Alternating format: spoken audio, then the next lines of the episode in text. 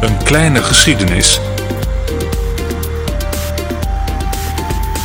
De penis van Napoleon rechtgezet.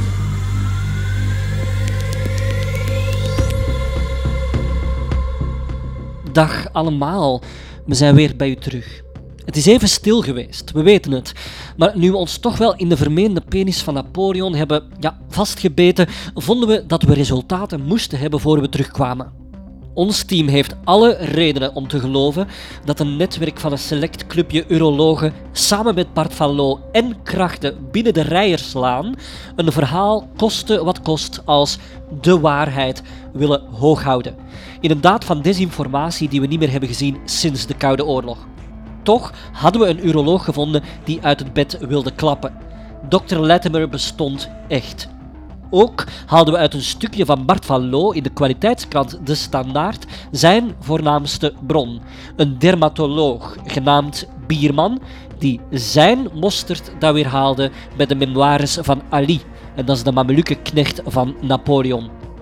We sloten onze aflevering af, toegegeven een beetje met de staart tussen de benen, met een oproep aan Bart van Loo om zich te melden. Wij houden van harde feiten en dus wilden we nog meer weten over zijn bronnen. En sapristi, Bart van Loo, heeft zich via Facebook gemeld. Hij heeft contact met ons opgenomen.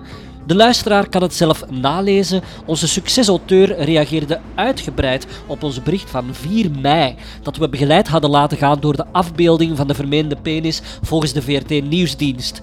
We zullen het bericht vastzetten bovenaan onze Facebookpagina, zodat u er makkelijker aan kan. We zijn bovendien zeer geflatteerd dat de heer Van Loo dit op zijn eigen website ook heeft gepost met een mededeling. Benieuwd waar deze twee heren gaan uitkomen met hun onderzoek. Hij is zeer enthousiast. Een paar fragmentjes uit Van Loo's bericht aan ons. Ik volg met interesse jullie onderzoek naar de penis van Napoleon. Daarover zei ik ooit iets kort in Van Gils en Gasten. Ja, oké.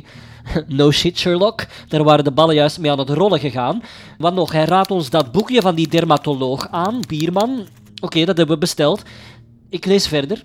Hij benadrukt verschillende keren dat hij het onderwerp als niet meer dan een anekdote behandelt in zijn theatervoorstelling. Er later, na Van Gils en gasten dus, over schreef in de kwaliteitskrant De Standaard. In de conditionalis, de voorwaardelijke wijze dus. En dat we nooit 100% zeker kunnen zijn. En ook dat hij het maar in een flits behandelde. En dat het punt dat hij gewoon wilde maken was dat mensen letterlijk alles over de figuur Napoleon wilden weten. Van zijn schoenen tot zijn liefdesleven tot zelfs zijn penis. Ja, in zijn boek komt het ook niet voor, schrijft hij, want het is niet belangrijk genoeg. Ik citeer verder. Ik geef toe dat het op die manier nogal wat aandacht kreeg. Daarom ben ik blij dat ik op zijn minst nog dat stukje in de standaard kon brengen. In de conditionalis dus.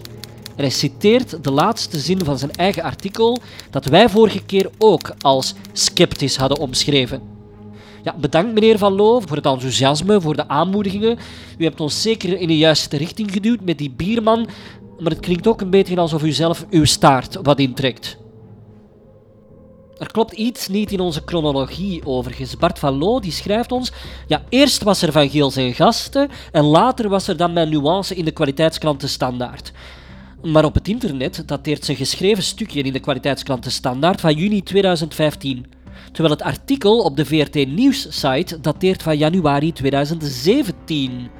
Als de heer Van Loo de waarheid zegt, dan wil dit zeggen dat iemand op de VRT Nieuwsdienst bijna twee jaar na het echte interview bij Van Gils pas het bericht online heeft gezet. Zoals u nog weet, zonder enig begeleidende tekst of artikel of factcheck. Waarom heeft die persoon dat eigenlijk gedaan? Misschien om in een steelse wanhoopsdaad dit straffe verhaal staande te houden?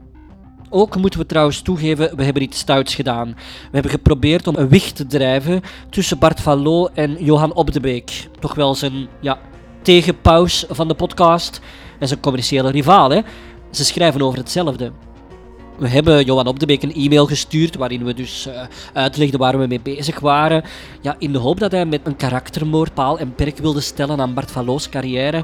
Maar helaas, uh, Johan Op de stuurde ons een zeer droog bericht terug dat hij het verhaal wel kende, maar kon bevestigen nog ontkennen. Einde bericht. En is... Ah, wacht, ik zie dat ik een voicemailbericht heb. Even luisteren. Hey, dag Jonas. Zeg, volgens Van Loo wijde de Britse Channel 4 een documentaire aan ons onderwerp. Ik heb die niet teruggevonden, maar uh, de schade in de Britse roddelpers is enorm. The Independent kopt. Napoleon's penis size confirmed. Documentary calls the artifact very small. En dan uh, The Mirror. Documentary confirms that Napoleon's penis matched the man's small stature. In het uh, artikel verschijnt ook een schilderij van Napoleon met als onderschrift No wonder he looks a bit sad. En dan de, de Huffington Post, dus de Amerikanen. Uh, French Emperor Napoleon Bonaparte had a 1.5 inch penis. Documentary reveals. En dat wordt hier allemaal geponeerd als de waarheid. Het laatste nieuws heeft het vervolgens opgepikt, maar heeft de mensen het fatsoen om het als een vraag te formuleren.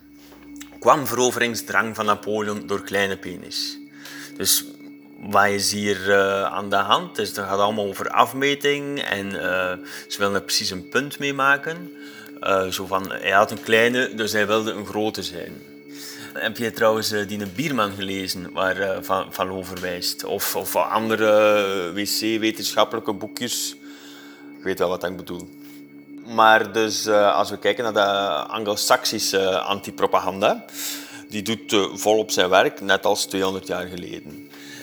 En we hebben eigenlijk nog geen enige vorm van bewijs gezien. Het gaat altijd over mensen die beweren dat. Uh, ook al die boekjes die over Napoleons penis schrijven, baseren zich op elkaar, verwijzen naar elkaar en keren altijd terug naar dezelfde bron, de memoires van Ali, Napoleons knecht, de Mamelouk. Ik heb die besteld uh, samen met de memoires van Hudson Lowe, de, de gouverneur van Sint Helena, en de autopsieverslagen. Kijk, ik uh, fax die even door en uh, dan uh, kan je daar misschien ook wel verder mee. Dag Jonas.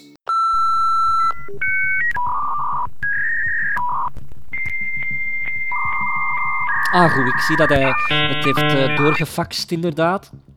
Mm Even kijken. Ah, aha, dames en heren, dit is nu eens historisch onderzoek. Hè. Dat heb ik echt gemist. We beginnen met de autopsieverslagen. Bon, ik weet dat Napoleon gestorven is op 5 mei 1821 aan, ja, naar wat wordt aangenomen, maagkanker. Soms lees je wel eens een maagzweer. Dan zijn er nog andere theorieën die beweren dat de Britten hem hebben vergiftigd. Goed, ik begin hier het verslag te lezen. Het is een beetje in telegramstijl. Titel: Extraordinary claims require extraordinary evidence. Autopsie op Napoleon Bonaparte. Namiddag van 6 mei. Longwood House. Ja, dat ken ik, Longwood House. Dat is de laatste residentie van de voormalige keizer op Sint Helena. Verschillende verslagen. Vijf Engelse dokters, één Franse, genaamd dokter Anton Marquis. Ah, maar die ken ik ook. Dat is Napoleons uh, Corsicaanse lijfarts. En met deze verslag is Joost blijkbaar begonnen. We lezen verder. Autopsierapport opgesteld in zakelijk medisch Frans. Antomarchi bedient scalpel. Alles netjes op zijn plaats. Longen en hart normale kleur, maar stinkende vloeistof en gezwel in maag.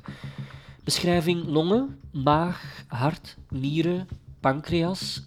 Niets over schaamstreek.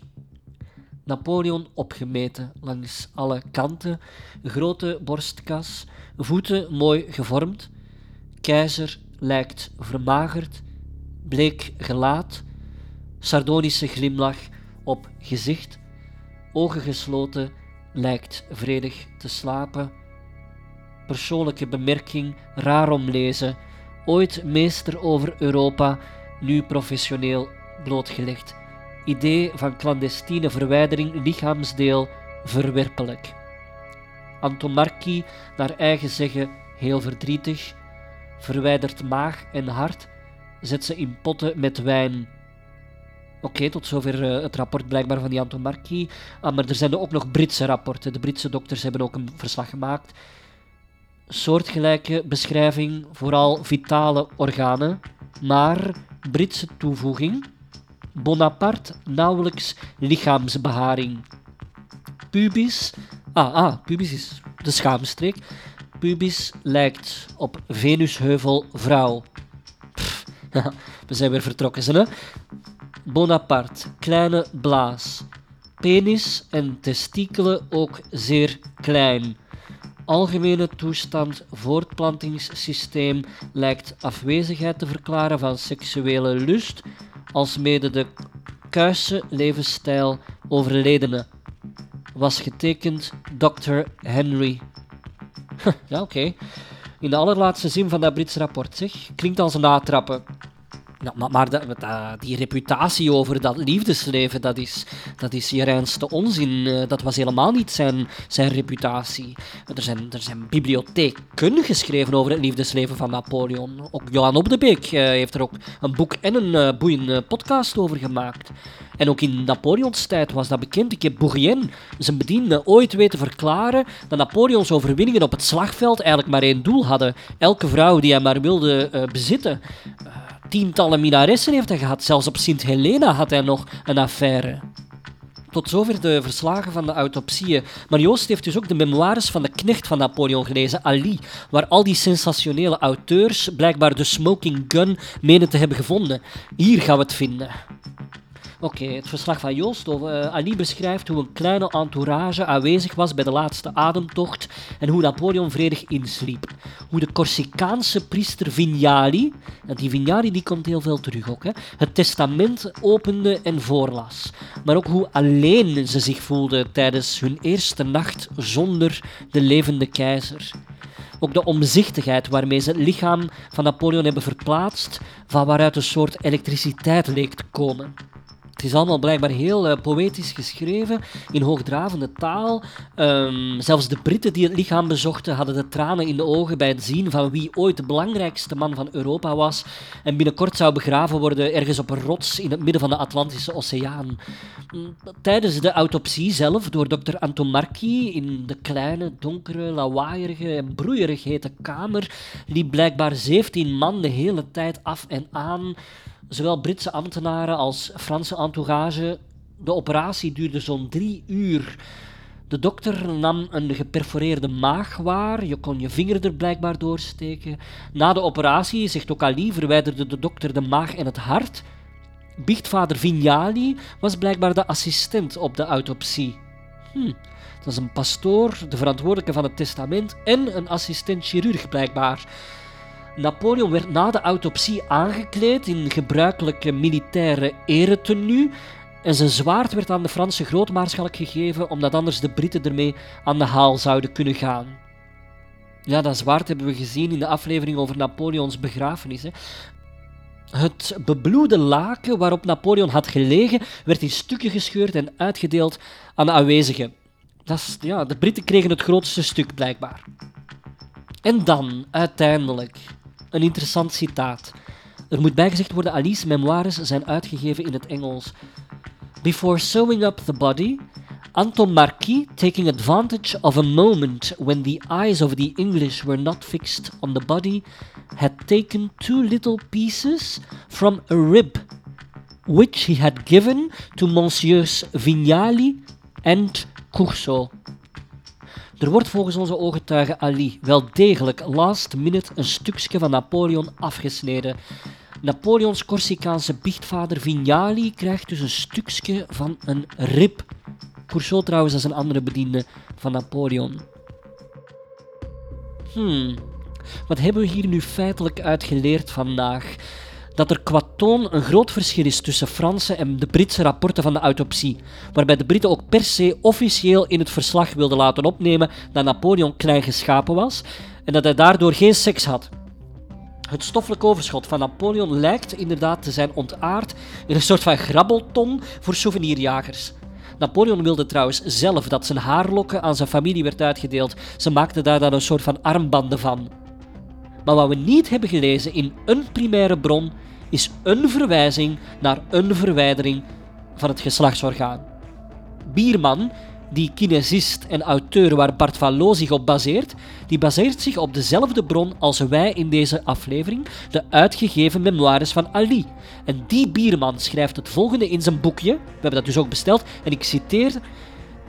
It is also believed that the priest, dat is Vignali dus, clandestinely took the excised love muscle that had served its owner so well during his many conquests. Maar waar hij dat leest, dat weten wij hoegenaamd niet. Nergens lezen we in de memoires, die alleen maar in positieve en verheven termen spreken over de laatste dagen van Napoleon, iets wat naar zoiets verwijst. Ook toen we de memoires aan het lezen waren, leek zelfs een, een op handen zijnde vermelding van een penis een tang op een varken. Oké, we gaan afsluiten. We staan na vandaag eigenlijk al vrij ver. Of misschien nergens, dat hangt ervan af uh, hoe je het bekijkt, of je nu wil of het verhaal klopt of niet. Onze volgende stap is nu om uit te vogelen wat de link is met wat we enerzijds lazen en niet lazen in de primaire bronnen, en anderzijds de spectaculaire claim van een Amerikaanse uroloog Latimer. Hoe heeft dat ding zichzelf een weg naar de Verenigde Staten gezwaffeld en wat maakt het zogezegd authentiek? Dat is voor het volgende en hopelijk ook laatste rapport. Graag tot dan. Een kleine geschiedenis. De penis van Napoleon rechtgezet.